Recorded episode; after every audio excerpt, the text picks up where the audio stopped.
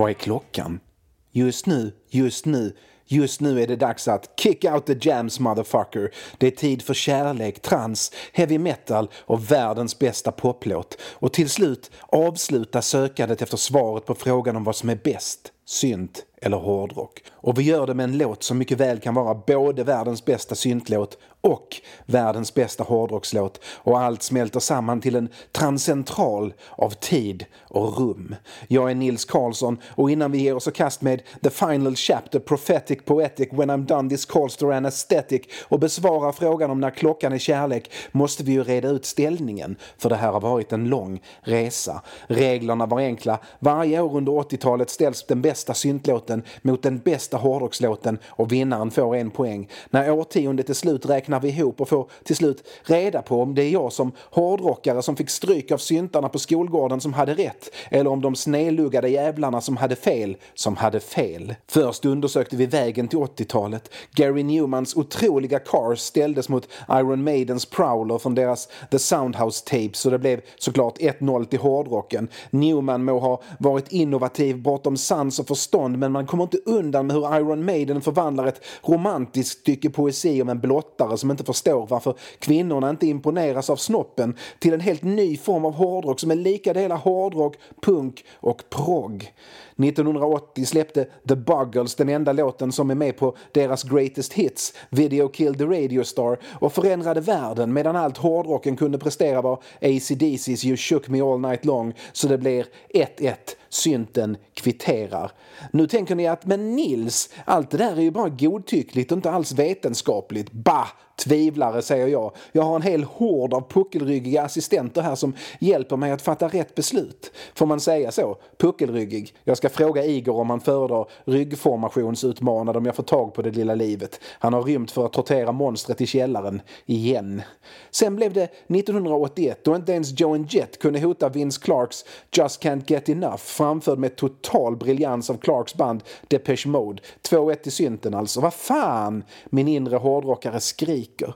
1982 ställs A Flock of Seagulls I Ran So Far Away mot Alice Coopers I Better Be Good och här fuskar hårdrocken genom att under året släppa så många av världens bästa poplåt att hårdrocken vinner året med för många spelare på planen. 2-2. Ah, 1983 gav oss både Blue Monday och Balls to the Wall och hur mycket jag än älskar Udo Dirkschneider, inte bara för namnet, så tar New Order hem detta. 3-2 till synten, synten leder. Forever Young eller Fade to Black blir poäng till Alphaville här. 4-2. Det ser mörkt ut för hårdrocken. Men eftersom Alphaville var fanatiska kommunister delar de med sig och det blir poäng till hårdrocken också. 4-3. 1985 spelar legenden Philip Lynott in sin bästa och sista låt, Military Man, tillsammans med Gary Moore. Men från ingenstans, bokstavligen ingenstans, det vill säga Norge, kommer AHA med fullständigt överväldigande Take On Me. Åh, det här bär emot, men 5-3 till synten. Depeche Mode besöker oss igen 1986 med A Question of Time. Men hårdrocken steppar upp rejält och We've got hold on to what we've got och ger poängen till Bon Jovis Living on a prayer 5-4. Det kan gå det här. Stock Aitken och Waterman äger 1987 med sin hand.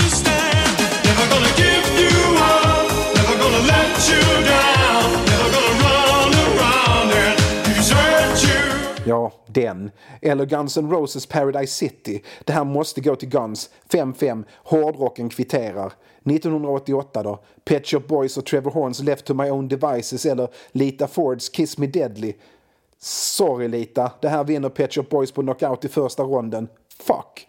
6-5 till synten alltså. Oh. Nu handlar det om världens bästa poplåt, What Time Is Love, är världens bästa hårdrockslåt eller världens bästa syntlåt. Är den bäst som hårdrock blir det oavgjort och då vet det fan vad som händer. Bra är den i alla fall. Och här är den i alla fall i den version som spelades cirka överallt 1989.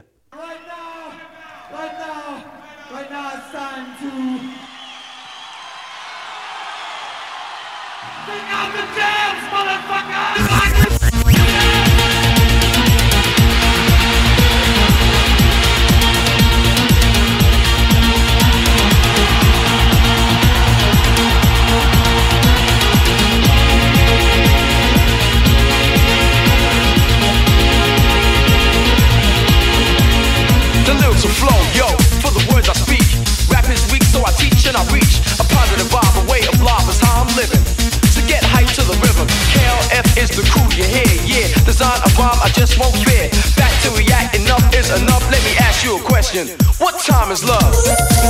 What time is love? What time is love? What time is love?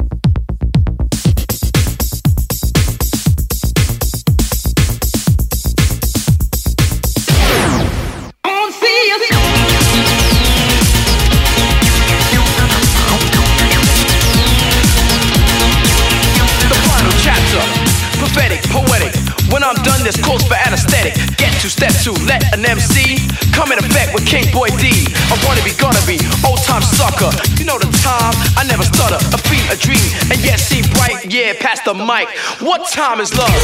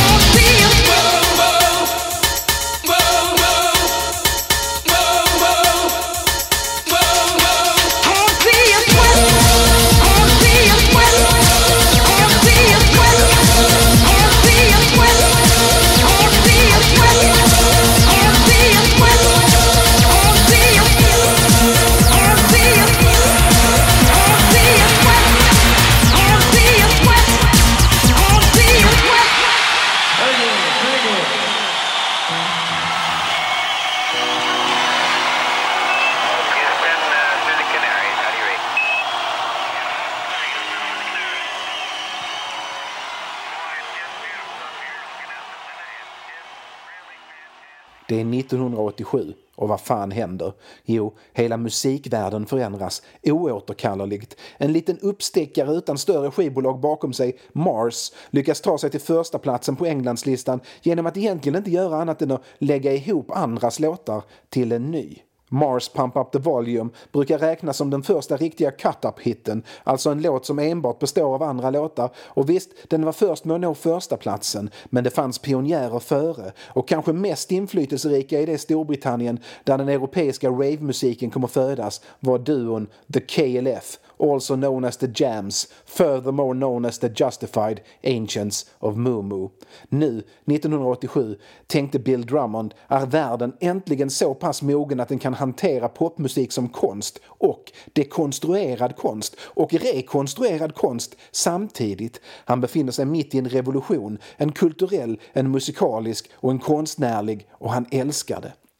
Född i Sydafrika men uppvuxen i Skottland, hans pappa var präst i Church of Scotland, blir han vuxen. Som han själv säger, antingen en aningen för tidigt eller en aning för sent. Han var för ung för Summer of Love 1967 och egentligen alldeles för gammal för The Summer of Love 1987.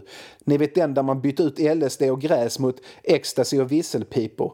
Mellan 1970 och 1973 läste han konstvetenskap med praktisk inriktning, det vi i Sverige skulle kalla läsa på konstfack. Uppfylld av tidens idéer om konst och ett stort självförtroende gav han sig ut i världen för att visa att inte bara kunde allt vara konst utan konst kunde göras överallt och alla kunde uppskatta att få konst gjort överallt. Så under några år arbetade han som kombinerad tidningsbud och konstnär, vårdbiträde och konstnär och till exempel fiskare i Nordsjön och konstnär. Han försökte göra ett bra jobb och samtidigt förgylla sina arbetskamraters liv genom att samtidigt som han utförde arbetsuppgifterna också utföra dem på ett konst konstnärligt sätt för att liksom väcka de andra fiskarnas medvetande och få dem att se den genomgripande förtvivlan och skönhet som genomsyrar varenda iskalla saltstänk i ansiktet klockan tre på morgonen utanför den skotska kusten. Han blev inte populär. Runt 1975 arbetar han som snickare och får ett snickarjobb som faktiskt är lämpligt för en snickare som vill kombinera snickrande med konst. Han byggde och målade dekorer på The Everyman Theatre i Liverpool. Där trivdes han och hans sätt att alltid göra saker lite annorlunda än förväntat uppskattades för första gången i hans vuxna yrkesliv. Hälften var ytterst medvetet och hälften var inkompetens förklarar han senare om sitt excentriska snickeri. Teatern ska sätta upp den första scenversionen av Robert Anton Wilsons och Robert Shays episka fantasy, spionroman, metafysisk lärobok, science fictions vansinne, porrnovell på 1400 sidor stream of consciousness rockfantasi Illuminatus. De har en bearbetning som kommer göra föreställningen 12 timmar lång och Drummond får för första gången uppdraget att bli huvudansvarig för dekoren. Men först ska han läsa boken och det gör han och sen gör han det igen. Kan man bli kär i en bok? Ja, säger Drummond. Illuminatus är hans livs största kärlek. Ken Campbell, uppsättningens regissör och författare, är en i teaterkulturella kretsar känd snubbe som sysslade med absurdistisk men ändå begriplig teater och var många gånger uppe i diskussion om han ändå inte borde få Nobelpris ändå. Campbell gillade Drummond och de hängde mycket med varandra i pauserna under repetitionerna och sedan efter föreställningarna när föreställningen drog ut på turné. Jag lärde mig egentligen allt av Campbell, säger Drummond senare. Allt viktigt i alla fall fall. Att aldrig göra det som som förväntas, vilka viner att dricka, vilka damer att dansa med och så viktigast av allt, han sa till mig att Bill, gör aldrig någonting om du inte kan göra det heroiskt. Det där senare skrev jag ner i min dagbok och inledde många dagar i flera år med den raden. Inspirerad av Campbell, Illuminatus och en längtan efter att göra livet lite mer heroiskt sa han till de andra scenarbetarna att han skulle gå ut och köpa lite trälim, lämnade teatern och kom inte tillbaka. Ett mer heroiskt liv i enlighet med diskordianska principer. Ja, Illuminatus i all sin komiska briljans är en lärobok i diskordianism, en amerikansk undergroundrörelse med tydliga filosofiska inslag som bygger på tanken att grundläget i universum är kaos och att ordning bara är en illusion illusion som vi, eller varför inte någon konspiratör, lägger på oss. Genom att göra saker som är nästan normala men ändå precis lite fel så kan man väcka andra kring sig att också se och älska kaos. Eftersom ordning är en konstruktion från makthavare för att hålla oss i schack så hindrar den oss människor från att leva och älska som vi förtjänar. I boken finns det motkrafter, motkraftskonspirationer som tror att kaos inte behöver innebära våld och katastrof utan istället är en förutsättning för faktiskt samarbete. Om vi bara krossar våra föreställningar och förtryckande samhällen kommer det goda samhället att växa ur kaos. Ett samhälle präglat av kärlek och frivillighet istället för av skam och tvång. Typ så Drummond, på nyttfödd, går ut i livet för att göra konst av allt och är i allt precis som förut men nu med ett tydligt mål. Han vill verkligen förändra världen. Dessvärre lyckas han initialt väldigt dåligt. Men han startar en del popband, punkband, han spelar hyfsad gitarr, sedan new wave-band. När han tröttnat på att spela musik blir han manager åt Echo and the Bunnymen och gör det på sitt sätt. Det vill säga att han inte direkt bryr sig om att tjäna pengar till Echo and the Bunnymen utan mer om att göra själva managandet till ett konstprojekt. Till exempel bokar han in en turné åt dem genom att rita kaninöron på en karta och boka in spelningar i de städer som hans streck råkar korsa. Det var så han jobbade med The Bunnymen mycket. Att bygga berättelsen om bandet var lika mycket viktigt som att bygga bandet. Historien är allt. Människor älskar berättelser och Drummond var berättare ut i fingerspetsarna och Echo and the Bunnymen blev ett tag den duk han projicerade sin berättelse på. Han startade skivbolag med sin bästa kompis David Balfe, Zoo Records och jobbade som talangscout åt Warners brittiska avdelning och han var ganska framgångsrik. Ett av hans fynd var gruppen Brilliant som fick några mindre hits. I gruppen gruppen ingick en ung gitarrist som Bill trivdes bra med eftersom han delade Bills syn på konsten som något som måste genomsyra allt, Jimmy Corti. Dessutom ingick Youth från Killing Joke i Brilliant. Sue Records upptäckte och signade Blur. De skulle bli populära senare och vi återkommer till dem i en senare historia. 1986 var Bill Drummond alltså hyfsat välbetald, hade anställningstrygghet och ett företag tillsammans med sin bästa kompisar. Dessutom ett barn han älskade och ville ge trygghet. Varför ge upp allt det här? För att han fyllde 33,3. Ni vet hastigheten en LP-skiva snurrar på. Så han slutar allt, utom att vara pappa såklart. Men allt annat. Säger upp sig, ger bort sin hälft av Sue till Balf och går ifrån alltihopa tomhänt.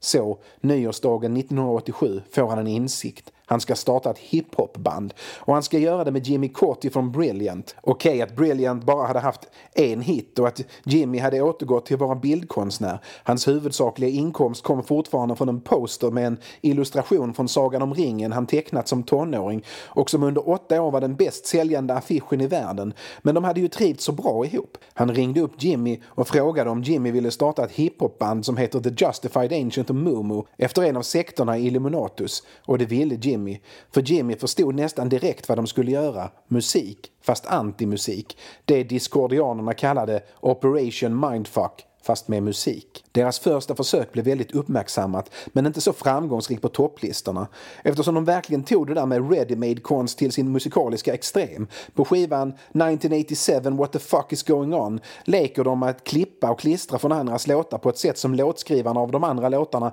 inte helt uppskattade. Allra mest flagrant på låten The Queen and I där de samplar ganska eh, generöst.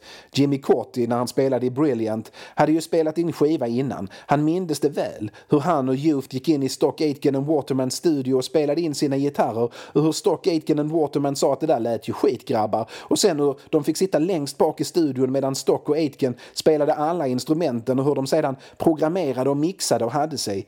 Youth blev förbannad och stack, men Corti stannade kvar för att lära sig allt han kunde av mästarna och denna kunskap lät han flöda över The Queen and I för att den skulle bli den bästa brittiska hiphopen och den vackraste hyllningen till hans favoritband ABBA och så såklart en gigantisk hit. Men de anger inte ABBA som låtskrivare eftersom Drummond och Corti anser att det de har gjort är ett konstverk i sig. Och den sålde, de gav ut den själva, bra. Men ABBA var inte imponerade. De krävde att hela upplagan skulle förstöras. Om vi bara får prata med Benny så kommer han förstå vad vi försöker göra, tänker Corti och Drummond och sätter sig i Drummonds importerade gamla amerikanska polisbil och kör till Stockholm. De får inte träffa ABBA. Istället bränner de hela den kvarvarande upplagan på ett fält utanför Södertälje och återvänder till England. Fan också. Själv förstår jag inte alls varför ABBA tyckte att låten var en låtstöld eller varför de inte uppskattade vad The Justified Ancient of Mumu hade gjort.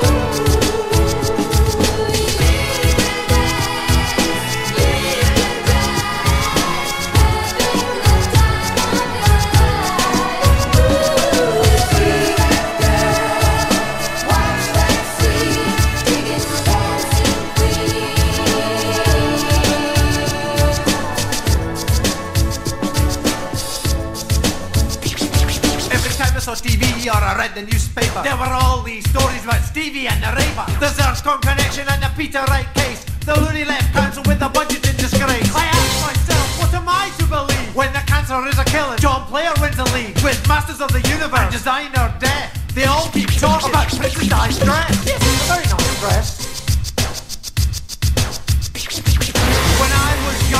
Knew just who to hate. From the teachers in our classroom to the leaders of our state. I'm registered to vote. This pleasant land's free. So I took the intercity for democracy and me. I knocked at the door, but they didn't let me in. So I kicked it down and I walked right in. She was standing at the bar while Healy cut his crust. Question time. Mikey Buff!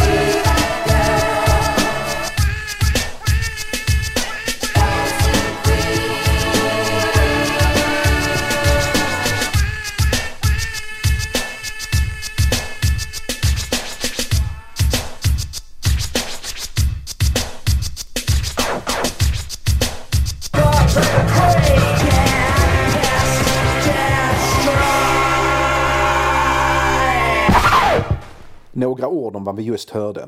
Ja, det där innehöll väldigt mycket av Dancing Queen. Abbas advokater hävdade att det i princip är Dancing Queen fast sämre och att Justified Angels of Momo inte hade tillstånd och inte hade fått tillstånd ens som de sökt. Jag hävdar bestämt att det där inte är Dancing Queen.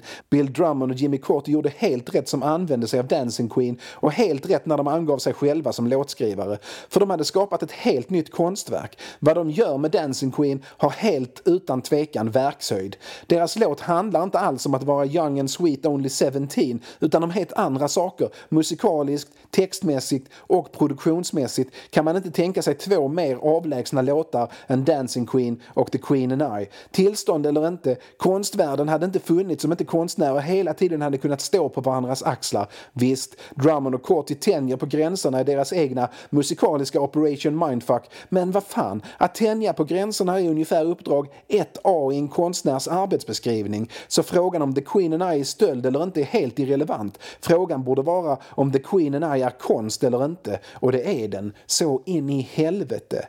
Men att bränna skivorna blev en del av konstverket. För från och med nu var bandet konstverket, inte musiken det gjorde. Och efter att ha hört Mars listetta Pump Up The Volume bestämde de sig för att nästa steg var att få en listetta. En som dessutom direkt tilltalar den nya dansande acid-generationen. Så utan några direkta förberedelser eller ens en låt bokade de studietid i en hel vecka i Manchester för att börja spela in listettan redan nästa måndag. Under helgen super de till och kommer på att de ska göra en danshit av titelmusiken till Doctor Who. Så de tar med sig en soundtrackskiva till studion och säger till ljudteknikern att de vill göra en låt som är titelmusiken till Doctor Who. Att refrängen ska vara att man fylleskrålar Doctor Who och att det ska vara ett tydligt 1, 2, 3, 4 så att engelsmännen kan dansa till det. De blir då upplysta om att det är helt omöjligt eftersom titelmusiken till Doctor Who går i tretakt. Fan också, säger Corty och Drummond, men ber ändå ljudfolket att börja programmera syntarna med Dr Who-musiken. Hem till Drummond för att rota igenom hans skivor efter trumkomp i fyra fjärdedels takt som ändå funkar att spela till en låt i tretakt. Du gillar verkligen musikaler va?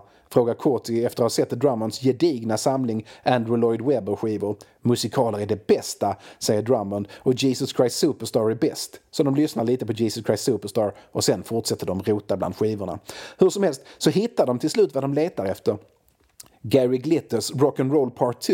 Så tillbaks till studion och in med trummorna i samplern och redan på tisdagen när trummor och synten lite ur fas glider ihop inser Drummond, Corty och alla i studion att ja, den här låten kommer faktiskt bli etta på topplistan. Och det blev den.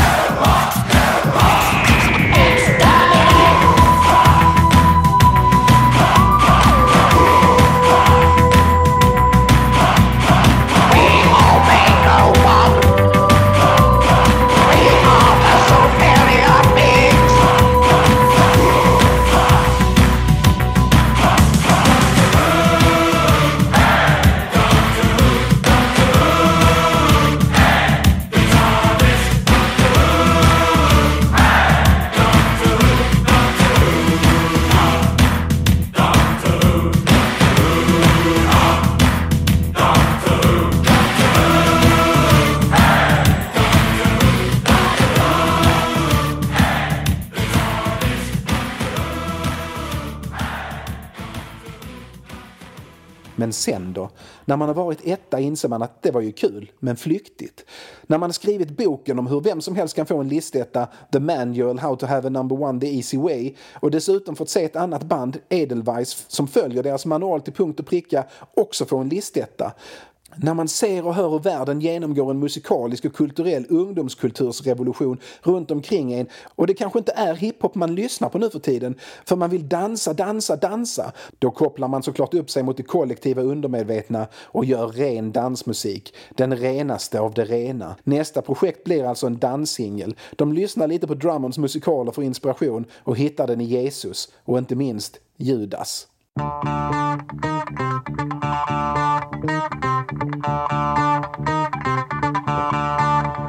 Mind is clearer now.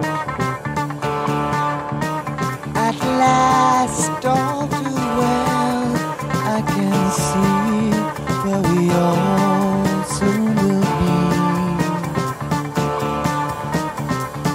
If you strip away the myth from the man, you will see where we all soon will be. Jesus! You started to believe the things they say of you. You really do believe this talk of God is true. And all the good you've done will soon get swept away. You've begun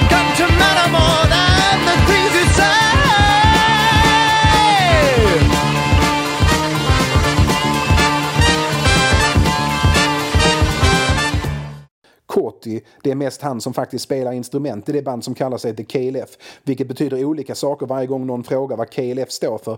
Plocka basen och gitarren från Jesus Christ Superstar och spelar det på synt och skapar vad som är den första singeln under namnet The KLF. På Drummonds uppmaning, han gillar hårdrock, slänger de in huvudriffet till Motorheads Ace of Spades också. What Time Is Love, senare eftersom de gör så många versioner av den, vi hörde den som släpptes i USA 1989 tidigare, så har den också fått namnet Pure Trance Version för att liksom skilja den från de andra. Den blir gigantisk på dansgolven, både lagliga och olagliga dansgolv, oftast som första låten på kvällen, för att få folk att komma igång liksom.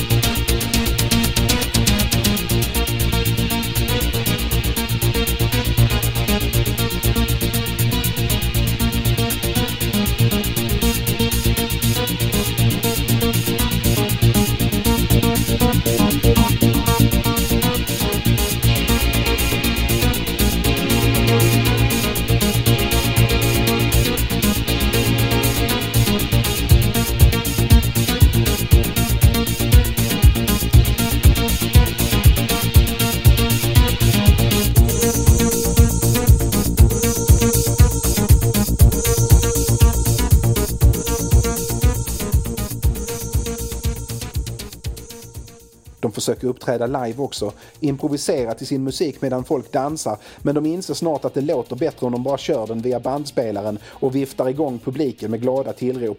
Det blir stjärn-DJ som gör sin egen musik, revolutionerande 1988, helt nytt. Vi skulle kunna uppträda på Wembley med det här, säger Corti som alltid drömt om att bli en arenaartist och spela det där stora gitarrsolot inför tusentals människor. Vi är inte där än, men vi ser till att göra skivor som låter som om vi är det, säger Drummond. Och så uppstår The KLFs Stadium House Trilogy. Tre låtar, de tre låtar som utgör stommen för allt de ska komma att göra innan de blir deprimerade av att vara popstjärnor 1993 när de vann en Brit Award för bästa band som de fick dela med Simply Red på grund av för tajt votering för att kunna avgöra vem som vann. Sköt blanka skott med maskingevär mot publiken, berättade att de lämnade musikindustrin, dumpade ett dött får utanför ingången med en lapp med orden I died for you och drog tillbaks alla sina skivor samt eldade upp en miljon pund av intäkterna för att liksom tvätta sig rena från popmusikens smuts. Stadium House-trilogin är fantastisk.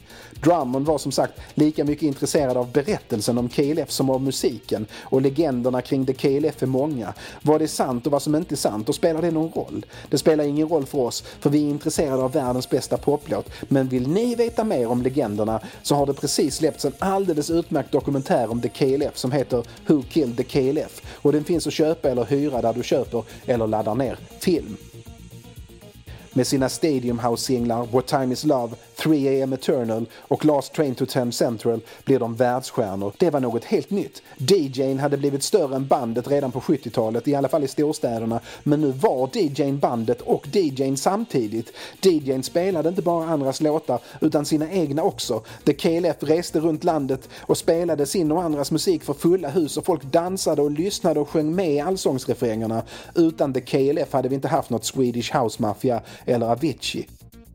The KLF följer upp sina stadiumlåtar med Justified and Ancient som när de inte får den att funka bestämmer sig för att ordvitsandet med att omvandla Tammy Wynette Stand By Your Man till Tammy Stand By The Jams, alltså förkortningen av The Justified Ancients of Mumu, motiverade att åka till Nashville och låta Wynette sjunga på låten. Det gör hon gärna. Och så fick både The KLF och Tammy Wynette sin första USA-etta på den ordinarie listan.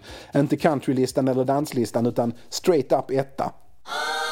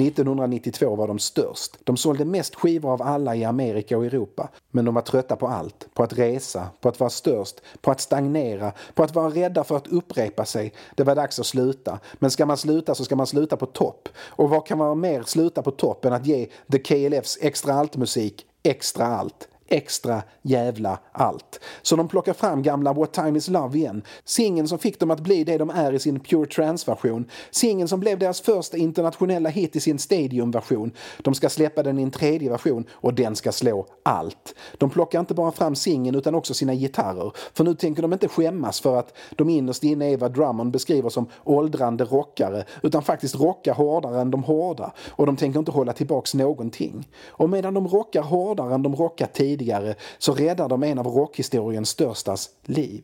Glenn Hughes var på botten, vi har pratat om honom innan. Hughes sjöng och spelade bas i Deep Purple. Hughes glömde Gary Moore när Philip Lynott ville döda Gary Moore. Hughes hade spelat med Black Sabbath. Han är det okända nav kring vilket en förvånansvärt stor del av den brittiska hårdrocken kretsat. Hughes röst är fenomenal. Han kan leverera hårdrocksskrik som vilken annan 80-tals hårdrockare som helst. Men han kan också sjunga rent och tonsäkert med en bluesig känsla. Men han mådde inte bra. Samarbetena med Gary Moore och Black Sabbath hade kraschat till följd av hans missbruk och psykisk ohälsa. 1992 var han arbetslös, pank, kokain kostade en massa pengar, hemlös och drack inte sällan så mycket rödvin att han somnade i sina egna spyor. Det var hemma hos en vän vars soffa han sov på som Bill Drummond hittade honom där han skakande låg och funderade på hur han skulle kunna fixa mer alkohol när han skakar så förtvivlat. Hughes berättar att det märktes att Drummond inte såg honom som ett vrak utan som en musiker och ja, kanske en idol. Drummond erbjöd honom ett jobb. Sjung på vår sista singel. Glenn Hughes visste mycket väl vilka The KLF var. Han var inte den typen av hårdrockare som bara lyssnar på hårdrock och han tyckte mycket om att gå ut och dansa när han inte skakade så förbannat. Men jag kan inte sjunga när jag är så här, invände Hughes. Det är lugnt, säger Drummond. Vi spelar in dig först när du är i ordning. Hughes bestämmer sig för att ta chansen. Det är inte lätt. Att sluta med kokain var lätt, men alkoholen? Nej, alkoholen är den värsta drogen för den kan döda dig när du slutar. Så mycket älskar din kropp alkohol att den hellre dör än att vara utan den om du har otur. Men Glenn kämpar, använder cannabis för att lugna kroppen när den skakar och krampar och hallucinerar som värst. Men han gör det. Han blir ren och har fortsatt vara det sedan dess och kommer till Trans Central som The KLF kallar sin kombinerade bostad, konsertlokal och studio några veckor senare och frågar om det är för sent att sjunga. Det är det inte. Det är en nervös Glenn Hughes som kliver in i mikrofonbåset. Men det är en självsäker som kliver ur. Han gjorde det. Han är tillbaka och hans insats på America What Time Is Love tillhör hans karriärs bästa sånginsatser. Resten av låten är lika magnifik som Glenn Hughes sång. Gitarrerna som inte det minsta skäms för att de spelar nästan exakt riffet till Ace of Spades. Kören som sjunger America till melodin till Aquarius. Bellows rap. Trummorna. Allt är extra allt och lite till. Och det är omotståndligt och det är så himla tydligt att America What Time Is Love både är världens bästa syntlåt och världens bästa hårdrockslåt. Är den bäst som hårdrock eller synt? Skitsamma. Poäng för båda. Det visar sig alltså att synten vann den här jävla tävlingen med 7-6 och det kan jag leva med. Även om synt-Henrik i femman 1984 förhoppningsvis inte får reda på det. Mina damer och herrar och alla andra. The KLF har lämnat byggnaden. Nu rockar vi och bli gärna Patreon på Patreon om ni gillar det ni hör. Vi hörs i säsong 4. Just remember, what time is love?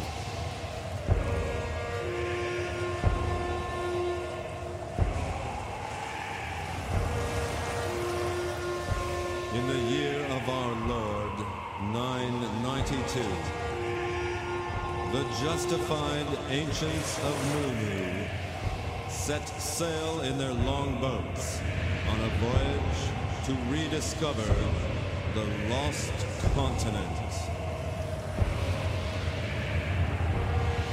After many months on perilous, stormy seas, their search was fruitless. Just when all seemed lost, they discovered America. The music you are about to experience is a celebration of the 1000th anniversary of their founding of this great nation.